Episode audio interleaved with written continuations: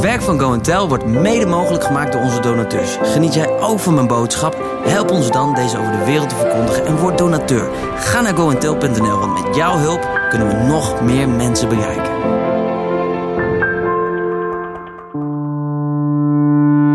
In de nieuwe masterclass Spreken vanuit je hart neemt David je mee in de wijze waarop hij grote groepen mensen inspireert met Gods woord onder leiding van de Heilige Geest. Wil jij groeien in spreekvaardigheid en leren communiceren en bedienen tegelijk? Dan is deze masterclass echt iets voor jou. Wat kun je verwachten? Een unieke toegankelijke sprekerscursus voor alle leeftijden. Je leert een groot publiek te boeien met jouw verhaal. Je ontwikkelt en vergroot jouw intuïtieve vaardigheden en je ontvangt een bijbehorend cursusboek met praktische oefeningen en opdrachten. Ga naar davidevos.nl om direct aan de slag te gaan.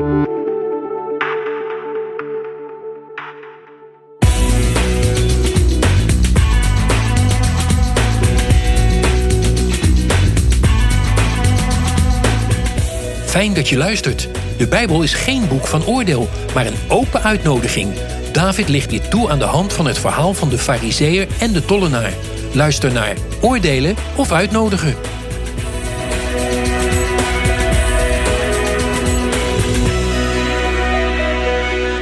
Ik ben David, ik ben getrouwd met Joyce. Ik ben papa van twee fantastische jongens, Jamuel en Manasse. Wij zijn onderdeel van deze fantastische gemeente. Komen hier al jaren, eigenlijk zo lang als dat Jamuel geboren is. Hij is opgedragen hier. Um, dus al zo'n 16 jaar. Uh, bijna, hè? want 1 januari is voor hem de grote dag. Het is Sweet 16. Dat uh, nou, moet ik nog maar even hebben over hoe we dat allemaal gaan doen. Maar goed. Um, en er is in de afgelopen jaren uh, zoveel gebeurd, zoveel voorbij gekomen, zoveel mooie fases, zoveel heftige dingen, stormen, regen, ups en downs, wonderen, doorbraak, verlies, rouw. Het lijkt wel het leven. En dat, uh, dat waren zomaar zeg maar de afgelopen 16 jaar. Alleen de laatste tijd, ik weet niet hoe dat met u is, maar begint de wereld wel een beetje raar te doen. Ik weet niet of u dat ook vindt. Maar het is wel dat je denkt, wow, wajo, weet je wel. Het lijkt wel raarder als 16 jaar geleden, zeg maar. En dan zou je de wereld wel eens een kaartje willen sturen. Hè? Zo van, lieve wereld, gaat het nog een beetje? Volgens mij ben je een beetje ziek. Snel beter worden hoor. Maar de vraag is of dat gaat gebeuren. Um, want we hebben niet zo heel veel grip op wat er om ons heen gebeurt. Waar we wel grip op hebben, is onze eigen interne wereld en onze relatie met God. Dus ik heb zoveel mensen heel boos zien worden op wat ze verliezen of wat ze worden opgelegd of wat anderen doen. Maar mijn eenvoudige filosofie is dat ware vrijheid zit hier.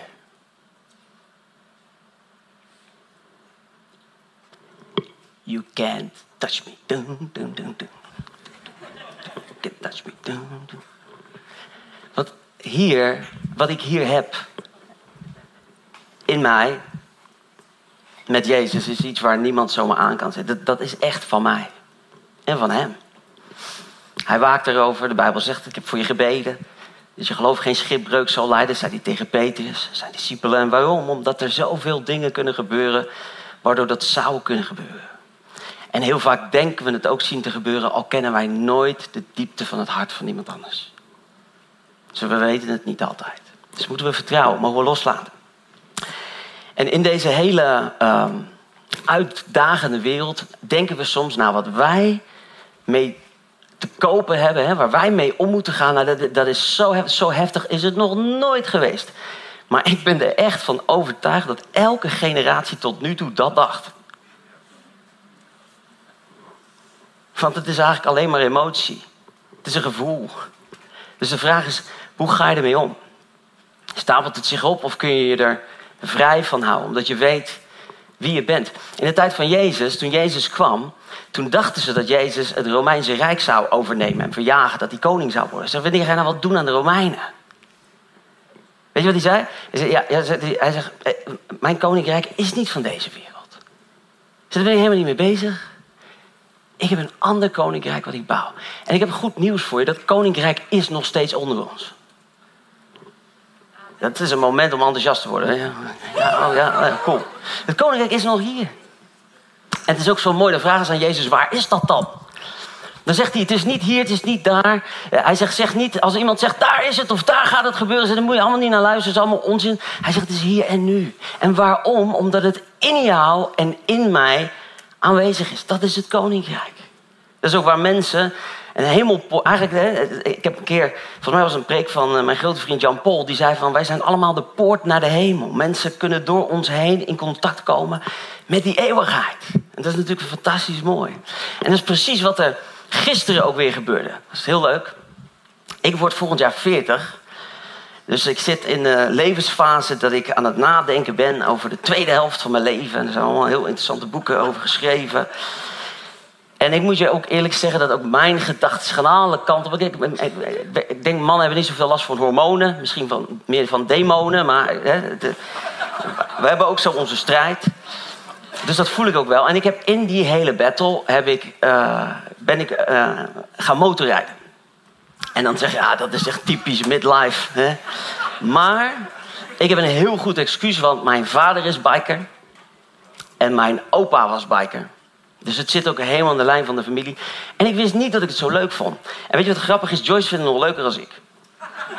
Want die, die zit heel graag achterop. Dan gaan we een rondje rijden. En ehm, wat zo leuk is, is mijn pa heeft een van zijn oudere motoren... heeft hij helemaal opgeknapt voor mij. Hebben we samen uitgekozen welke kleur we zouden doen en zo. Dus heeft me zoveel vreugde gegeven. Maar ja, dan komt natuurlijk de dag... dat mijn vader zegt... Daaf, ga je mee? Eh, dan gaan we naar de beurs samen. De, de chopperbeurs, de bikersbeurs. Ja, gezellig, weet je, gaan we doen. Eh, en de- wat je daar dan ontmoet zijn mannen met baarden, weet je. Al die willen motorrijden, moeten mannen met baarden zijn. Ik heb een sikje, weet je wel. Verder kom ik denk ik ook niet. Maar van die hele mooie baarden ook. Heb je dat wel eens gezien? Echt van die volle baarden. De een is wat mooier bijgepunt dan de ander natuurlijk. De ander een beetje olie erin, de ander is nog een beetje vies. Weet je, etensresten zitten erin van gisteren. Maar baarden. Baarden, leren jasjes, hesjes. Ehm, en en, en eh, wij, wij naar die motorbeurs, fantastisch. En, en, en eh, zoveel van wat je ziet is, eh, is seks, drugs en rock and roll. Ehm, en ook bordjes met Hellfire en nou ja, Demon dit en dat. En nou ja, we kennen natuurlijk allemaal ook wel de, de Hells Angels. Of ik weet niet of je al zo'n docu hebt gezien van No Surrender. Of van Satudara One Blood. Pats, weet je wel. Dat zijn heftige gasten. Leeft u in een andere wereld of kent u... Oh. Anyways. Ik loop gisteren over die beurs. Samen met een paar superleuke choppers en dingen kijken.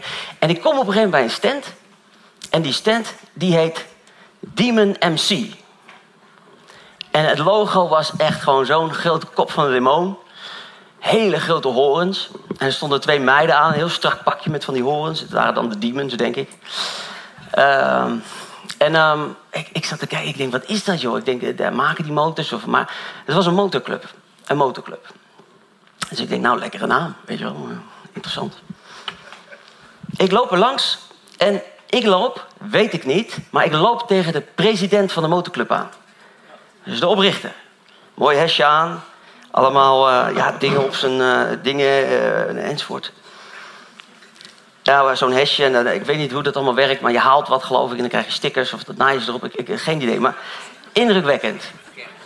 En ik raak met die man aan de plaat, praat.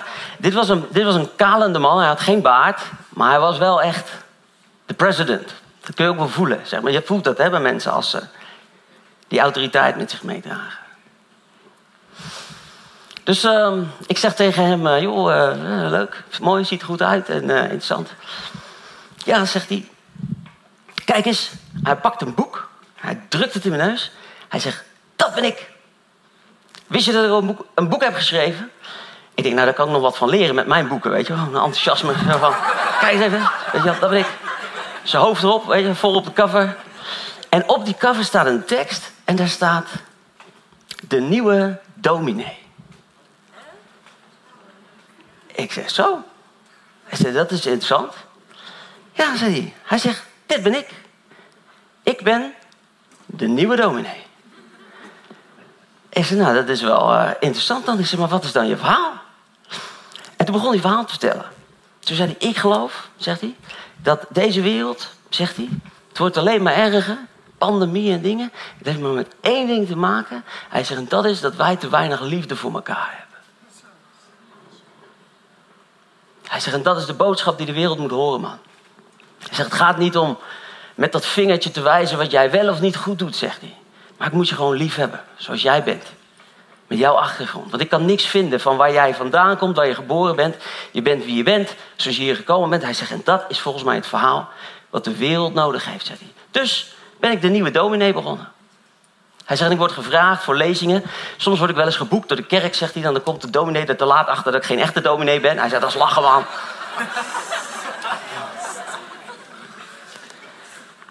En allemaal meegemaakt. Dus ik, ik, ik was echt intrigued, weet je. Ik denk, vertel me meer. Want ik, dus ik zeg maar, ik zeg, hoe ben jij in hemelsnaam hier gekomen?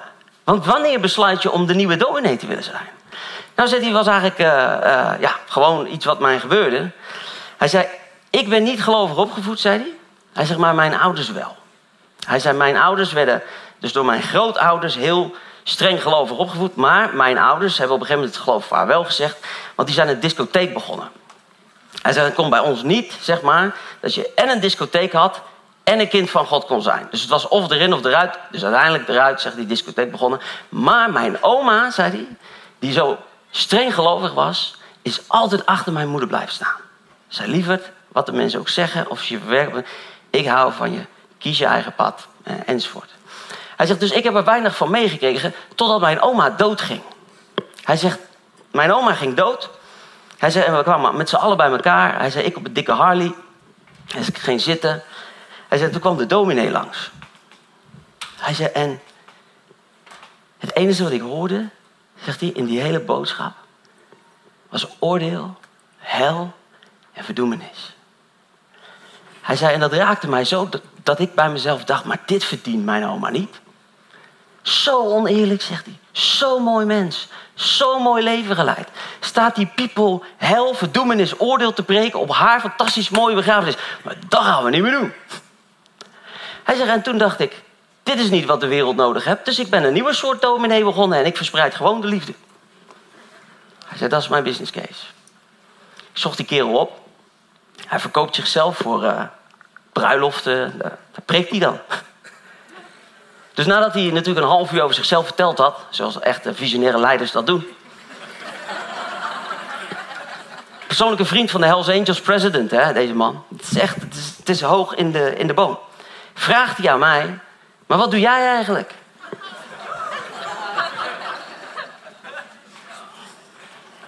Ik zei nou, ik ben een echte dominee. Wat, zegt hij? Ben jij zo'n echte, heb je theologie gestudeerd? Ik zeg, nee, nee, nee. Ik, zeg, ik ben wat meer aan de vrije kant. Ik zeg, ja, je moet mij een beetje zien als de cabaretier van de kerk. Met af en toe een serieuze toon. Oh ja, zegt hij. Oh, nou, mooi, maar, maar gaaf, zegt hij. En ik heb wat dingen laten zien. Ik zeg, weet je wat ik denk? Ik zeg, ik denk dat jij, dat jij heel dicht zit bij, bij de waarheid. Ik zeg, want weet je, de Bijbel zegt, God is liefde. En jij zegt, de wereld heeft liefde nodig. Ik zeg, dus eigenlijk ben je het evangelie aan het brengen. Ja, liefde, energie, weet je wel. Dan komt er zo'n heel mooi verhaal, weet je. Ik zeg, nou ja, ik zeg, volgens mij zit je niet zo heel ver vandaan. Ik zeg, maar als je nou even naar Jezus kijkt. Ja, maar zegt dit, de kerk en die dogma en dingen. Ik zeg, nee, nee, forget about the church. De dogma's, onze maniertjes, onze vreempjes. Ik zeg, leg het even aan de kant. Ik zeg, en kijk even naar het leven van Jezus. Naar waar hij voor stond. Inclusiviteit, acceptatie. Geen oordeel, maar liefde, verbinding. Vergeving, genezing, gezondheid, kracht, levenslust. Een nieuw leven. Ik zeg, dan zie ik in hem, in zijn karakter, het gezicht van God aan deze wereld. Hij zegt, dat vind ik mooi man. Hij zegt, mag ik jouw nummer? Wij moeten verder doorpraten. Zo, ik heb mijn nummer uitgewisseld met de president van de Demons Motorclub. En ik heb gedacht, als er één club is waarbij ik me aan moet sluiten, moet dat misschien deze wel zijn. Want weet je wat hij me begon te vertellen? Hij zegt, bij ons in de club, zegt hij, als iemand het moeilijk heeft, dan zijn we er voor elkaar. Hij zegt, er was een maatje, zegt hij van ons, hij zegt, die kreeg kanker. Hij zei, en uh, hij had een speciale behandeling nodig. Uit, ergens in Amerika, zegt hij, kon hij niet betalen. Hij zegt, toen wij appen met elkaar. Jongens, wie heeft er nog een motorblok liggen? Wie heeft er nog een frame liggen? Wie heeft er nog een stuur? Wie heeft er nog een ding? Hij zei, we allemaal bij elkaar gebracht. We hebben een Harley gebouwd, zegt hij. Hij zegt, die hebben we verkocht. Zegt hij, we hebben hem het geld gegeven. Zegt, ga jij die behandeling maar doen. Hij zegt, nou, hij heeft het helaas niet gehaald. Hij zegt maar, hij zegt, we hebben hem toch gegeven voor zijn vrouw en zijn kinderen. Hij zegt, we zijn er voor elkaar. Hij zegt, er was een jongen, hij zegt, hartstikke drugsverslaafd, diep in de problemen. Zegt hij, zijn vrouw kon niet tot hem doordringen, zijn moeder niet, zijn vader niet, noem het allemaal op. Hij zegt, toen op een gegeven moment moest hij moeilijk gesprek hebben met mij. En toen heb ik gezegd, joh, luister, zoals jij nu leeft, ben jij je jasje niet waardig. Als jij jezelf niet aanpakt, zegt hij.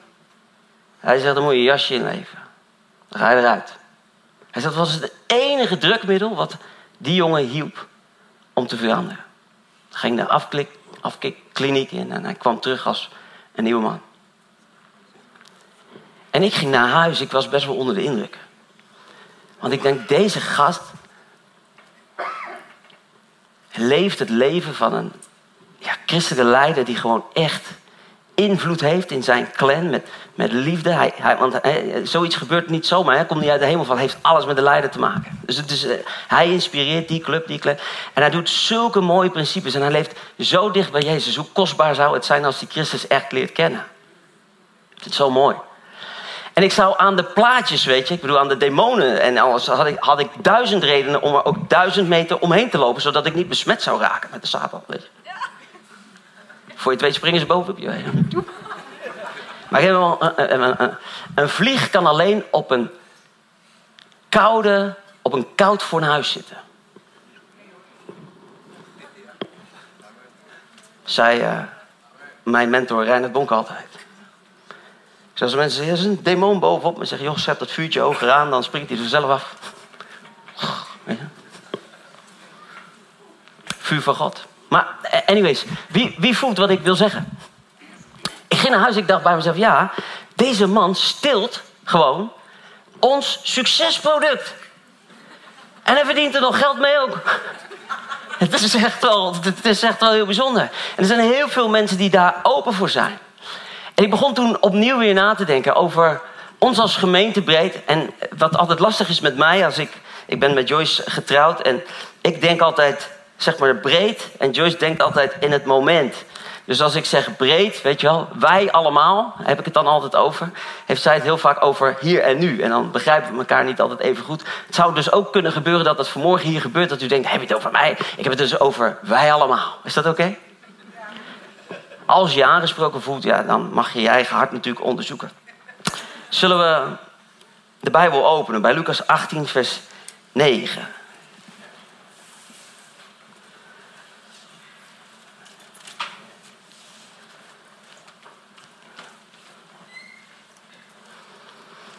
En ik denk dat dit, dat dit misschien wel heel mooi ook uiteenzet waar, waar deze man over viel.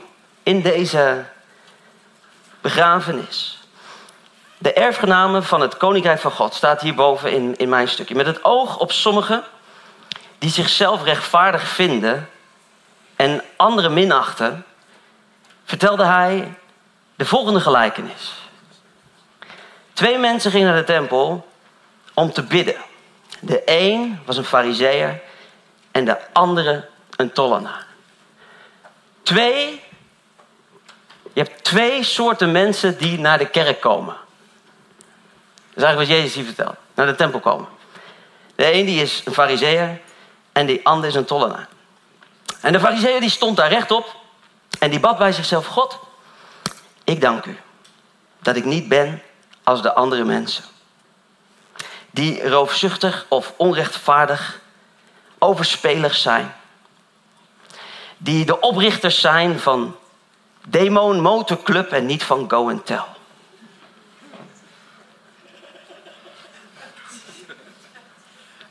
En dat ik ook niet ben als die man met de baard daar die, die naar die seksshow gaat.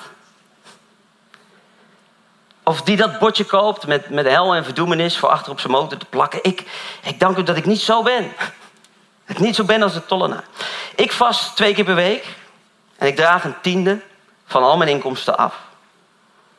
En de tollenaar die bleef op een afstand staan. En die durfde niet eens zijn blik naar de hemel te richten. In plaats daarvan sloeg hij op de borst en zei God, wees mij zondaar genadig. Ik zeg jullie, hij ging naar huis als iemand die rechtvaardig is in de ogen van God. In de ogen van God. maar die ander niet. Want wie zichzelf verhoogt, zal vernederd worden. Maar wie zichzelf vernedert, zal verhoogd worden. Een prachtig verhaal van Jezus. Waarin hij alles weer in perspectief zet. Nou, dit is zo'n. Ik, ik weet, hij schuurt misschien wel een beetje bij, bij mij ook. Dan denk ik, ja, is het dan allemaal verkeerd wat, wat, wat, wat die fariseer dan doet? Want ehm, hij is. Uh, wat, zullen we even kijken? Uh, hij is niet als andere mensen. Even checken, hè, bij jou. Heb je ook wel eens het gevoel dat je toch dankbaar bent dat je niet zo bent als hem of haar?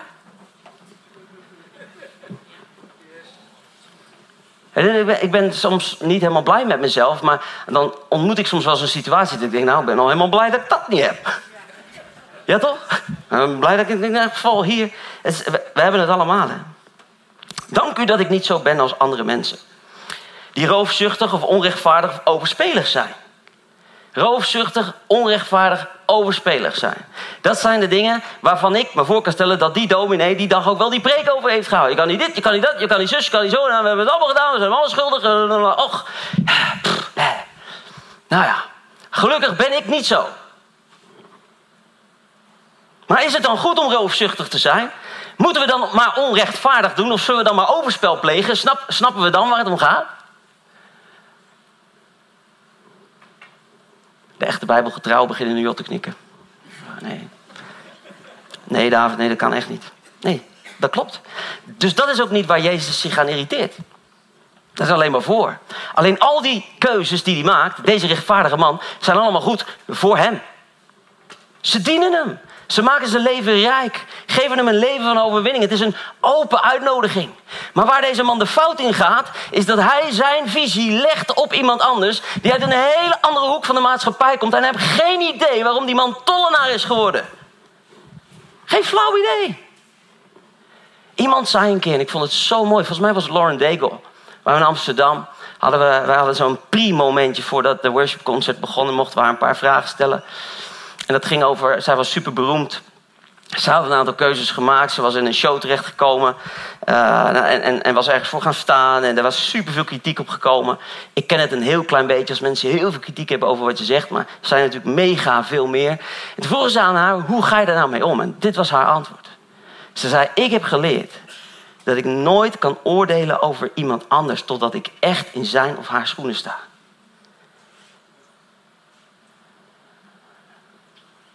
Oordeel verbreekt altijd het contact. Altijd. Het is weg. Als ik tegen die kerel had gezegd, een stand van, ah, gast, weet je, jij met je liefde en met, je boek, weet je wel, de dominee, je wel dat je bent. En uh, die demonen, nou, dat kan helemaal niet, jongen. En uh, elk contact was weg. Maar nu vroeg hij om mijn nummer. Waarom? Ik ben met hem in verbinding. Ik hou van hem. Wat kan die kerel eraan doen dat hij geboren is in een huis waarvan zijn ouders een discotheek beginnen die eruit getrapt zijn door de kerk? Ik snap dat je president wordt en dat je motorclub Demon opricht. Zo, daar zijn we het over eens. Eh, eh, eh, weet je wel, als die man hier zou zijn in de kerk, zou ik zeggen: fantastisch dat je er bent. Geweldig. En dan zou ik zeggen: er is een uitnodiging voor je om je leven een beetje zo aan te passen dat het wat mooier wordt. Zou je kunnen doen is gewoon heel goed voor je, weet je. Sommige dingen heb je niet nodig. Demonen en zo, weet je. Maar als ik hier zit en ik zeg, oh, ben ik dankbaar dat ik niet zo ben als die verschrikkelijke fan met zijn demonen op zijn shirt. Het contact is weg. Jezus zegt, deze twee uitersten. Vind je dat ook niet? Ik vind dat heel mooi, Jezus. Hij pakt altijd de uiterste, zodat iedereen die er tussenin zit erbij hoort. Want jij zit natuurlijk al na te denken over jezelf. Ja, ik ben niet super vroom, weet je wel. dat, nee, ik ben geen fariseer. Maar ik ben ook geen, uh, nee, ik ben ook geen uh, demonenjager uh, zonder. Iedereen die ertussenin zit, herkent zichzelf meer rechts of meer links. En zal ik je heel eerlijk zeggen, dit verhaal gaat ook over mij. Gaat echt over mij. Ik ben de laatste tijd wel echt enorm opgeschoven hoor. Ik ben aardig opzij gerold door een heel aantal dingen die ik heb meegemaakt in mijn leven. Maar ik zat heel erg aan het idee dat ik echt wel wist hoe het zat. En dat ga ik dan ook vertellen in de hoop en poging dat anderen het moeten zien, net als ik. Maar ik weet het niet, ik ken je verhaal niet. Ik weet niet waarom je bent waar je nu bent. Ik weet niet waar je geboren bent. Ik weet niet wat er op jouw netvlies staat. Ik weet niet wat er, wat er in je neuro's gegrift staat. Waarom je het zo moeilijk vindt om bij die waarheid van God te komen. Ik weet niet waarom je het zo lastig vindt om te veranderen. Maar ik weet wel dat Jezus heeft gezegd: alle dingen zijn mogelijk voor wie gelooft. De Bijbel is geen boek van oordeel, maar weet je wat het is? Het is een open uitnodiging. Zo het gedrag van deze man, deze vrome man die alles op een rijtje had, had een uitnodiging kunnen zijn voor de tollenaar. Zeg, hey, als je succes wil in je leven of als je dingen wil veranderen, nou, laten we praten. Hoe kunnen we dat dan doen? En dan zegt Jezus, en dat vind ik echt interessant. Als ik mag kiezen, zegt hij aan het einde, dan kies ik voor de tollenaar. Dat is wat hij zegt. Hij die rechtvaardige gaat naar huis. En, en die snapt het niet. Hij zegt, maar die man die zei, nou red mij dan maar. Geef mij dat, dat stukje dan maar. Dus die heeft het begrepen. Maar ja, weet je, om daar te komen, moet ik een heleboel vrome getoeter afleggen. En dat is soms best wel een beetje lastig. Want waar doe ik het dan allemaal voor? Waarom doe ik dan zo mijn best? Oh, ik heb die worsteling gehad. Ik heb daarover geschreven in mijn boekje Genade is voor watjes. Dat dacht ik altijd, weet je. Genade is voor watjes. Maar we hebben het allemaal zo keihard nodig. Weet je dat wij in de kern allemaal hetzelfde zijn? Dezelfde mensen met dezelfde behoeften, met dezelfde noden. We hebben alleen verschillende manieren om ze te vullen. Nou, als we het dan gaan hebben over zonde. Zonde is de meest snelle en goedkope manier om in je behoeften te voorzien. Het is vaak niet goed voor je. Het is vaak ongezond. Het is vaak niet goed voor anderen. En op de lange termijn al helemaal desastreus. Alleen om dezelfde behoeften te voorzien waar je hè, van de zonde gebruik maakt, is er ook een gezonde manier.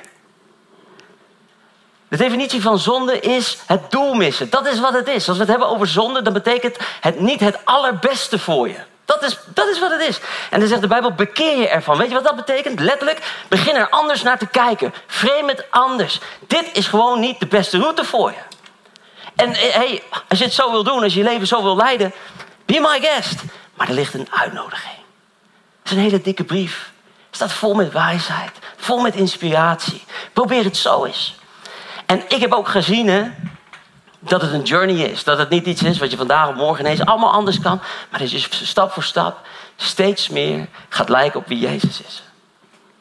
En dat is wat ik je gun. Dat is wat ik je gun. Wat ik persoonlijk zo mooi vind. En zo ook belangrijk is. Ik weet nog goed dat... Uh, ik jaren geleden naar Afrika ging. En misschien heb ik dit verhaal hier wel eens al eerder verteld, of je hebt het van me gehoord of gelezen, dus moet je me maar vergeven. Maar ik moest aan denken. Ik, ik kom over de hele wereld tussen leiders en, en, en kerken, denominaties. Ik kom soms in heel grote kerken, ik kom in heel kleine kerkjes. En weet je wat echt, echt gewoon foei irritant is? In al die clubjes heb je gewoon dat haantjesgedrag. En zal ik je eens wat vertellen? Als ik op een netwerkmeeting in Nederland ben, is het niet anders.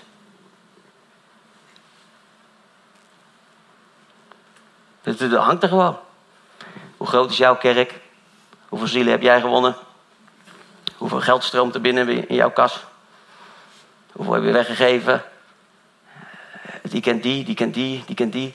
Zo ook in Afrika was het niet anders. Die sfeer daar, dat is echt, oh jongen. Maar daar was het echt gewoon, echt gewoon, echt gewoon irritant, weet je. Ik vind ook wel eens iets gewoon irritant. Ik wil preken, het evangelie van liefde, onvoorwaardelijk, kom bij Jezus. En, en, en hier zitten mensen letterlijk hè, voor mijn neus gewoon te kibbelen over wie de allerbelangrijkste is. Dat is trouwens ook weer niet zo gek. Jezus had het ook met de discipelen, weet je. Wie is de allerbelangrijkste? Wie mag er naast je zitten? Al, die dingen bij elkaar. Ze leken wel mensen. En nu nog steeds, we zijn nog steeds mensen. En nou kan ik wel zeggen, ja, maar dat gekibbel en dat haantjesgedrag, dat moet allemaal afgelopen zijn. Dan moet de deur uit, dat kunnen we niet meer doen. Maar ik zal je wat vertellen, zolang er mensen zijn, gaan ze dit doen. Want het heeft te maken met het vervullen van een behoefte. Wie ben ik? Hoor ik erbij? Word ik gezien? Ben ik geliefd? Al die dingen maken dat we doen wat we doen. Dus we moeten praten over die behoeftes. En we kunnen tegen elkaar zeggen: joh, als je nou eens af en toe een minuutje gaat zitten, gewoon voelen dat je echt geliefd bent door de vader, dan hoef je er misschien wat minder over te praten of zo. Ideetje. En we maken een culture shift. En tijdens deze meeting in Afrika, ik weet nog zo goed. 50 leiders, belangrijk. En er zit een jongen van, ik schat hem in. 14, 15 in de zaal. En die leider die opent een meeting en die zegt: We gaan hele belangrijke dingen doen. En hij, hij, hij, hij wijst naar die jongen en zegt: Hé, jij, jij zit hier, wat doe je hier? Hij is een jongen die, weet je wel. Hij zei: uh, Ga eens even staan. En hij, hij bestrafte hem aan publiek. Hij zei: Wat doe je in deze samenkomst? Hij zei: Dit is geen plek voor kinderen. Ga er eens uit. En die jongen liep met zijn schouders naar beneden, hoofd boven, zo naar buiten toe. Nou, moet je je voorstellen dat ik dus achter op het podium zit, op zo'n hele grote troon. En ik, ik zeg echt in mijn hart tegen de Heilige Geest. Ik zeg, Heer, ik zeg, hier zakt je broek toch vanaf. Dit is toch verschrikkelijk. Ik zeg, wat moet ik hier nou mee? Ik zeg, wat moet ik nog tegen die gasten gaan preken ook?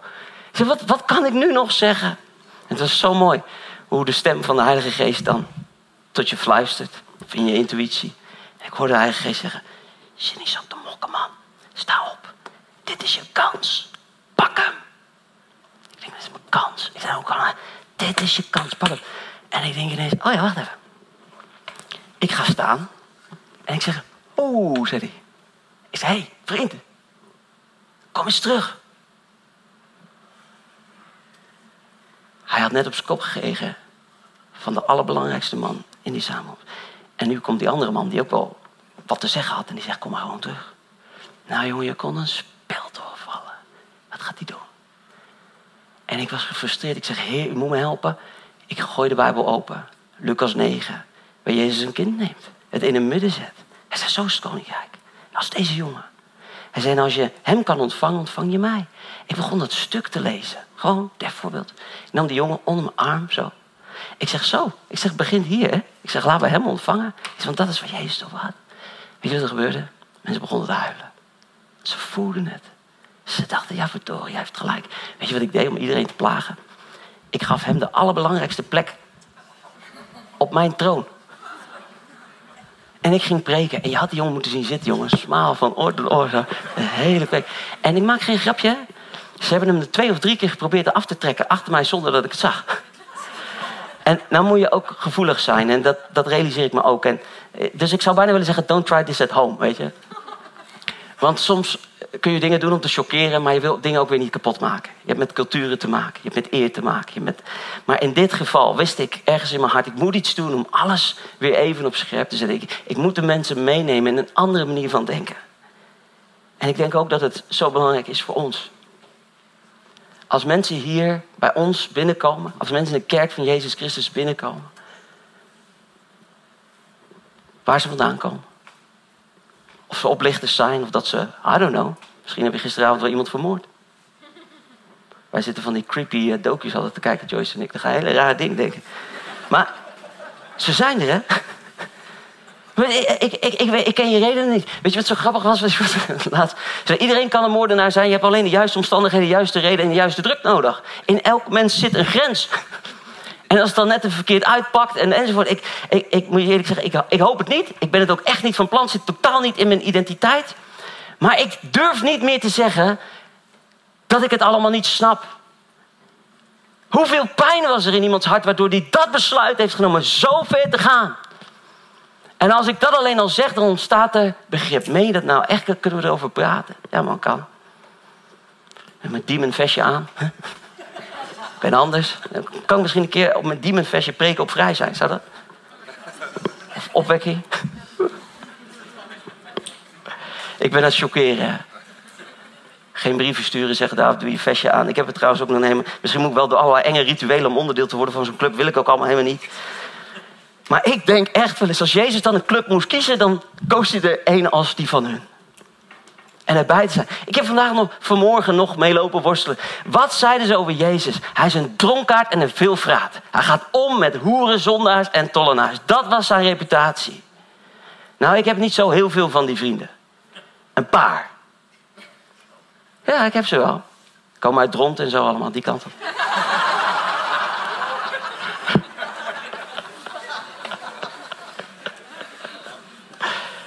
maar het, het, het, is waar. En weet je wat ik zo leuk vind?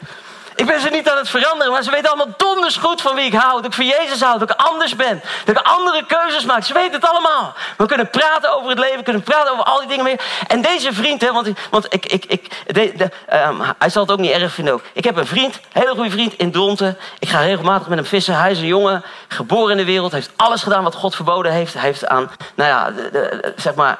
No Nut November had hij nooit gehaald. Zeg maar, laten we even zo zeggen, voor de jeugd, die weten dan waar ik het over heb. Hij heeft alles, zeg maar, dat, dat is wie hij is. Ik leerde hem kennen en ze zeiden over mij en hem, want wij kwamen in hetzelfde vissersteam, pro-staf-team van een merk. Jullie worden nooit een match, want jij bent Sodom en Gomorra en David een heilige, weet je, dus jullie matchen niet. Wij zijn de enige match in dat team. Want er zat ook een of andere vrome toeter, weet je wel, die zei van ja, ik ken David wel, maar daar ga jij niet mee klikken. Had hij hem al verteld? Jouw leven, hoe jij in elkaar zit enzovoort. Weet je wat deze vriend tegen mij zei? Hij zei, David, zegt hij, ik had een collega. Hij zegt, en de meeste collega's zegt, die zijn allemaal leuk en aardig. Maar zij was christelijk. Ze had allemaal regeltjes en allemaal dingetjes waar we allemaal om moesten houden. Hij zegt, maar zij was het meest oneerlijk van iedereen. Liep de kantjes er vanaf, vond wat van iedereen. Een herkenbaar verhaal, hè? Hij zegt, dan dacht ik, nou één ding weet ik zeker. Ik wil nooit geen christen worden. Maar dit is zo'n raar verhaal. En weet je wat ik dan tegen hem zeg? Ik zeg, ik snap je man. Ik zeg, ik snap het helemaal. Ik zeg, oh, dat is ook echt niet handig van ons. Hè? Nee, nee, nee, slaat nergens op. En toen zei hij iets tegen me wat mij erg raakte. Hij zegt, ik ben je gaan opzoeken.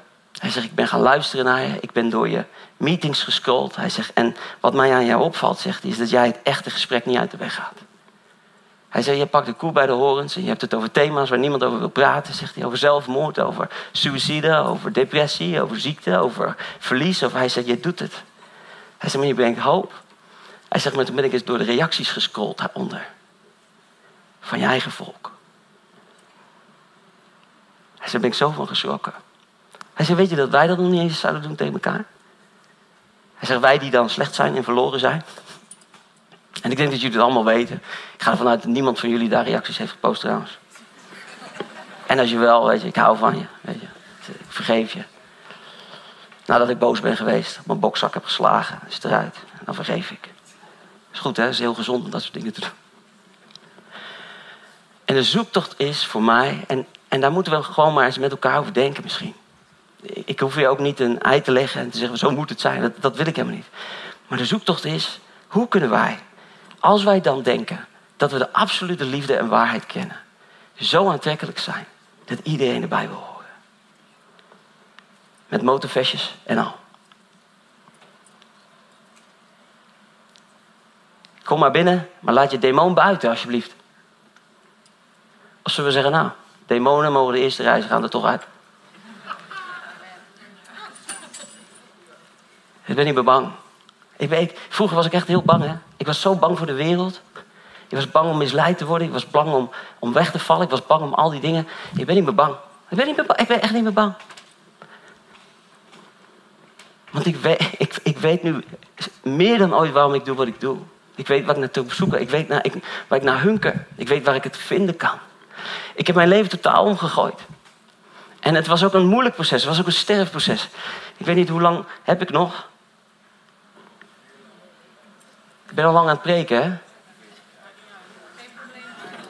Wie wil dat ik nog even doorga? Oké, wie wil dat ik stop? Even eerlijk. Jij. Oh, jullie kinderen. Zullen we dan bidden dat ze ook een mooi verhaal hebben? Heer, stuur een mooi verhaal. Raak ze aan. Ik ga nog heel even de diepte in. En, en, en, en dat doe ik omdat ik. Um, moet je, dit moet je echt horen. Ik ga de diepte in, niet om een trucje te doen. Ik ga, ook, ik ga de diepte in, niet omdat ik zielig wil zijn. Of dat ik purpose kwetsbaar wil zijn. Maar ik ga de diepte in omdat dit het echte verhaal is van mijn leven. Als je mij in de afgelopen jaren hebt horen preken, en als je mijn hele leven al kent, dan weet je dat ik heel zwart-wit begon, super radicaal. Ik vond genade allemaal maar helemaal niks. Ik vond het ook heel moeilijk. Ik was heel veroordelend enzovoort. Maar diep van binnen was er bij mij altijd wel een stemmetje die zei van... Ja, David, gast, weet je. Ergens voel je het, hè, dan schuurt het. Dan, je weet dat er iets meer is. Je weet... En dan moet je als een held leren luisteren naar dat stemmetje. En dan moet je misschien wel al je ideeën overboord gooien. Dat is super eng, dat is super lastig. Nou, ik heb heel die journey gedaan. Maar ik heb in die hele strijd ook best wel mentaal geworsteld. Er waren allerlei dingen die ik niet van mezelf wist. En goede vrienden van mij die weten dat ook. Ik heb veel meer gedeeld. En ehm, ik had het niet alleen maar mentaal heel veel problemen. Ik had ook fysiek veel uitdagingen. Ik had ontzettend veel pijn altijd in mijn lijf. Maar ik wist niet waarom. Ik ben naar de dokter geweest. Hier zo, uh, Krachtenveld. Ik zeg, dokter, heel veel pijn. Oh, zegt ze. Maar je ziet er zo gezond uit, jongen. Heb je veel stress? Nou ja, op een gegeven moment weten ze wat je doet. Hè? En dan weten ze ook dat dat niet heel normaal is. Dus dan zeggen ze, het zal wel een beetje veel druk geven. Het zit een beetje tussen je oren. Dus ik dacht, alles, maar het zit tussen mijn oren. Weet je. Ik heb pijn, het zit tussen mijn oren. Enzovoort. En dat is heel lang zo doorgegaan. En dat heeft me ook ontzettend veel lijden gegeven. Omdat ik gewoon als een, als een hond naar mijn eigen staart aan het rennen was. Van op zoek naar van waarom word ik nou niet beter, weet je wel. Alle dingen geprobeerd, weet je. Brainspotting en EMDR, weet je. Tot ik een ons weeg, weet je wel. En, en, maar zoeken, zoeken, zoeken. Maar ik had ook pijn. En, en, en ik kon er gewoon nergens... Ik, ik, ik wist gewoon niet het vandaan kwam. Dat ik vorig jaar rond deze tijd hadden we Simply Jesus in de IJsselhallen. Het was heel intens geweest, het was goed geweest. En ik ging op pad met een maatje van mij, snowboarden. En ik lag in mijn bed. Mijn hele lijf deed zoveel zeer, opnieuw weer. En ik had het al vaker, zei ik tegen Joyce, ik zei, nou, als, als iemand zou zeggen, je bent doodziek, dan, dan geloof ik het ook. En ik lag in Zuid-Frankrijk op mijn bed en ineens kwam daar die intuïtie, waarvan ik ook geloof dat God op die manier spreekt. En ze van, gast, je moet gewoon even in je lijf laten kijken. Je hebt van die klinieken, daar kun je het gewoon kopen. Dan heb je geen verwijzing van de dokter nodig. Dan reis je naar Duitsland of zo en dan laat je in je lijf kijken. Dus ik belde Joyce, ik zei, dat gaan we doen. Het was één dag voor kerst. Dat is trouwens niet een goed moment om in je lijf te laten kijken. Alvast. Weet je, mogen dat één dag voor kerst. Gewoon geen goed idee. Wij daarheen. Bloed, hart. En dan uiteindelijk een MRI. Ik had wat last van mijn rug en zo. En uiteindelijk een CT-scan. Dus weet je, all good. Ik was, was er met Joyce de hele dag. En ik kom bij de dokter. Goed, goed, goed, goed, goed. Ja, zegt ze. Er is één dingetje te zien op de MRI. Uh, dat, is, uh, dat ziet er een beetje ja, ik kan niet zo goed wat het ziet, maar wat ruis. Zou ik even naar laten kijken als ik jou was? Nou, dat weet je genoeg, hè? Dus ik zeg, wat, wat, betekent dat? Nou, laten kijken. Nou, ze zegt, dan zou ik even een CT-scan moeten maken. Ze dan kan ik het beter zien. Ik zei, nou, doe maar dan. Ik ben nou toch hier, dus bij CT-scan. Toen moesten we naar buiten. Wachten op de uitslag. En ik loop naar buiten. Ik weet niet of je je nog kan herinneren, lieverd, maar er lag een dode rat voor mijn voeten. Ik dacht echt, oh my god, weet je. Als je een beetje goed geloof, eh, een beetje bijgelovig bent, ik, ik ben echt van mening dat heel veel extreem charismatische mensen ook wel bijgelovig raken. Was ik ook op een gegeven moment. Dus ik zocht, ik zocht achter alles wat, weet je. Elke boom en demon en dingen. Ik denk, ik denk de dood, weet je wel. Kurabara, Shalama, hier, help. Nou, wij terug. Ja, zegt ze, uh, het is wat ik denk dat het is. Zegt ze, uw lymfeklieren zijn opgezwollen. Bij uw borst. Ik zeg, oh. Ik zeg, en? Ik zeg, uh, wat betekent dat? Ze zegt, kan eigenlijk maar twee dingen zijn. Ze zegt, of u heeft lymfeklierkanker of u heeft de ziekte van sarcoidose. Ik zeg zo. Dus Joyce nog heel lief aan die dokter vragen: hoe groot is de kans dat als we nu verder gaan kijken dat het toch niks blijkt te zijn? Oh nee hoor, liefheid, zei ze. Dit is echt wel wat. Ze je hoeft niet rennen naar de dokter, maar je moet wel gaan. Nou, toen begon kerst, weet je. Ik natuurlijk helemaal melodramatisch. Misschien ben ik er wel niet meer volgend jaar. En weet je, allemaal dat soort gedachten. Je bent mensen, gaat allemaal door je hoofd heen. Ik had ze allemaal. En vervolgens uh, naar Nederland en naar de dokter en verwijzingen en dingen. En dan zegt de dokter, ja, ik heb het allemaal wel leuk, maar ik wil het zelf zien. Dus, hup, dat meander in Amersfoort ga je maar daar laten scannen. En dan spuiten ze van die uh, chemische vloeistof in je lijf om het allemaal op te laten lichten, de ontsteking en dingen. Dus ik zit daar op de kankerafdeling. En uh, er komt een zuster die komt me halen. En ze zegt, hey, David de Vos, wat leuk dat je er bent.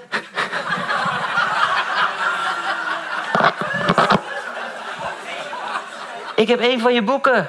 Sterker. zeg nou, come on. Dank u. Ik ging zo'n kamer in. Ik kreeg uh, een injectie. Dan moet je een half uurtje liggen wachten. Nou, dat half uurtje is wel een half uurtje dat er, dat alle scenario's door je hoofd gaan. Hè? En um, ik weet nog goed dat ik daar lag en dat deze Bijbeltekst, Romeinen 8, vers 28, en wij weten dat voor wie God liefhebben, voor wie volgens zijn voornemen geroepen zijn, alles bijdraagt aan het goede. Ik zeg, ik heb geen idee, maar you're in it. Wat het ook is, dat, het is wat het is. En uh, lang verhaal kort. Eh, het is eh, geen kanker, gelukkig. Maar het is wel de ziekte van sarcoidose. En eh, dat moet je maar een keer googlen. Maar ik kan een lelijk woord gebruiken. Het, gaat, het is een soort immuunziekte waar je eigenlijk ja, kan chronisch zijn, kan opkomen, kan weggaan. En dat gaat met tijden gepaard. Je moet zo zien, als je lichaam een ontsteking probeert te verwerken, kost het heel veel energie. Dus ik wist nu waarom ik zo moe was, zoveel pijn had en enzovoort. Nou kan ik uh, hier van alles van vinden. En ik kan er een verhaal van maken in mijn hoofd waarom ik ziek ben geworden. En weet je wat zo leuk is? Als je dat verhaal zelf niet maakt, maakt een ander het wel voor je. Heb ik gehad hoor. Ja, misschien doe je wel de verkeerde dingen, zit je niet goed in je energie aan. Uiteindelijk word je misschien ook wel een beetje ziek van. Ja, kan. Wie weet. Maar weet je wanneer mijn lijden begint? Mijn lijden is niet als ik pijn heb. Dat doet zeer, dat is, naar. Maar weet je wanneer mijn lijden begint? Mijn lijden begint op het moment dat ik mezelf vertel dat ik ziek ben omdat ik geen goed mens ben. Of dat ik ziek ben omdat ik de waarheid niet heb. Omdat ik ziek ben omdat ik niet weet. Uh, ik heb de deur of de afslag gemist. Of, of, of, de demon van, van de week, weet je, die heeft toch zijn weg in mij gevonden. Dan begint het lijden pas echt. Dan wordt het moeilijk. En als je dan kijkt naar hoe Jezus was. Zo liefdevol, zo ontvankelijk, geen oordeel. En dan me omarmt en zegt, lieverd, whatever it is. hey, weet je waar ik super dankbaar voor ben? Is dat hij tot me sprak. Dat hij zei, laat je checken, want dan weet je wat het is. Ik was een staart aan het najagen, weet je wel. Ik werd er alles maar dolle van. En hij zei, check je life. Daar zit het. En ik ben een man die echt veel wonderen heeft gezien. Vergeleken bij de gemiddelde Nederlander. En ook grote wonderen heeft gezien. ik weet dat mijn God bij macht is om mij aan te raken. Maar ik heb er ook geen probleem mee als dat toch niet gebeurt. Want ik heb hem leren vertrouwen in elk seizoen. Toen ik daar in die kamer lag, toen zei ik ja tegen alles wat kwam. Weet je waarom? Omdat ik echt geloof dat hij elke dag met mij is. Hij beloofd heeft, ik doe alle dingen medewerken ten goede voor degenen die me lief hebben. En ik heb zoveel mensen gezien, door diepe dalen gegaan, waar zulke mooie schoonheid uitkomt. Waar God het hart in werkt en doet en, en, en al die dingen meer. En toen moest ik denken, hoe vaak zeg ik dit in mijn leven? Hoe vaak zeg ik ja tegen wat voor de deur staat? En ik weet niet hoe het met u is, maar in mijn geloof heb ik soms het verlangen om mijn omstandigheden te veranderen. Maar ik heb geleerd, ik kan de externe wereld niet veranderen, wel beïnvloeden. Maar dat is een heel andere boodschap. Maar ik kan niet alles veranderen, maar ik kan wel mijn interne wereld managen. Dat is waar de strijd plaatsvindt. Het verhaal van de dwaze en de wijze man. De een bouwde zijn huis op de rots en de ander op het zand, maar de storm kwam over beide heen. De een stort in, de ander blijft staan. Wat is het verschil? Je interne fundament. Het verhaal wat je zelf vertelt. Als je door de lastige omstandigheden van het leven gaat. En ik dacht, Heer, weet je wat? Ik vertrouw u. U heeft beloofd, ik zal altijd bij je zijn. U heeft beloofd dat u al de dingen doet medewerken ten goede voor degenen die u lief hebben. Ik heb u lief. En ik ga mezelf geen enkel verhaal vertellen. I trust you every second of the day. Ik zeg ja, Heer, als moeilijke dingen gebeuren. Ik zeg ja als mensen me verlaten. Ik zeg ja als er financiële uitdagingen zijn. Ik zeg ja als ik niet begrepen word. Ik zeg ja als mensen slecht over me spreken. Ik zeg ja als ik worstel met mijn gezondheid. Ik zeg ja op het moment dat mijn organisatie moet veranderen. Ik zeg ja tegen wat God op mijn pad brengt. Want ik weet dat hij het goede met mij voor heeft. En dan ga ik nog even verder. En weet je wat het allermooiste en misschien ook wel het moeilijkste is? Iedereen die wil heel graag Jozef zijn, maar niemand wil vier jaar de gevangenis in.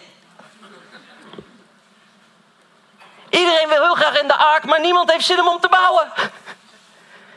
Iedereen wil heel graag wonderen zien, maar niemand wil zijn kruis dragen. Iedereen wil de Rode Zee zien splijten, maar niemand heeft zin om een lastig volk te leiden. Met gemopper en gedoe en, en noem het allemaal op. We willen allemaal Goliath verslaan. Maar ja, we willen niet achterna gezeten worden door Saul. We willen de zending in, maar we willen niet geloven voor, de budgets. hey, Als jij een testimony wil. Dat is wel zo leuk, hè? Hebben we nog testimonies? Testimonies. Moet je even goed naar het woord luisteren. Testimony is een test. En dan vertel je over je overwinning.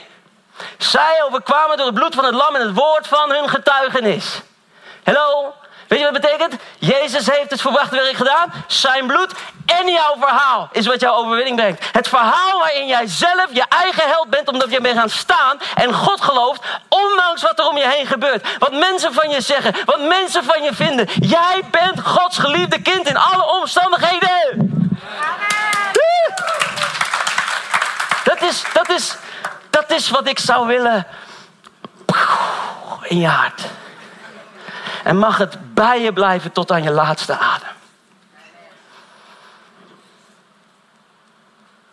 Psalm 68, vers 20. Geprezen zij de Heer. Dag aan dag draagt Hij ons.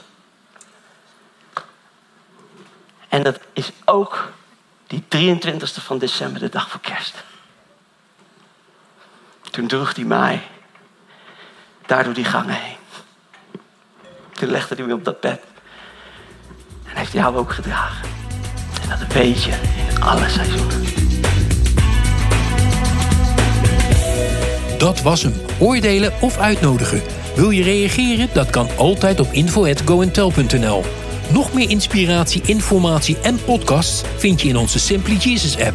Download hem vandaag nog op Google Play of in de App Store.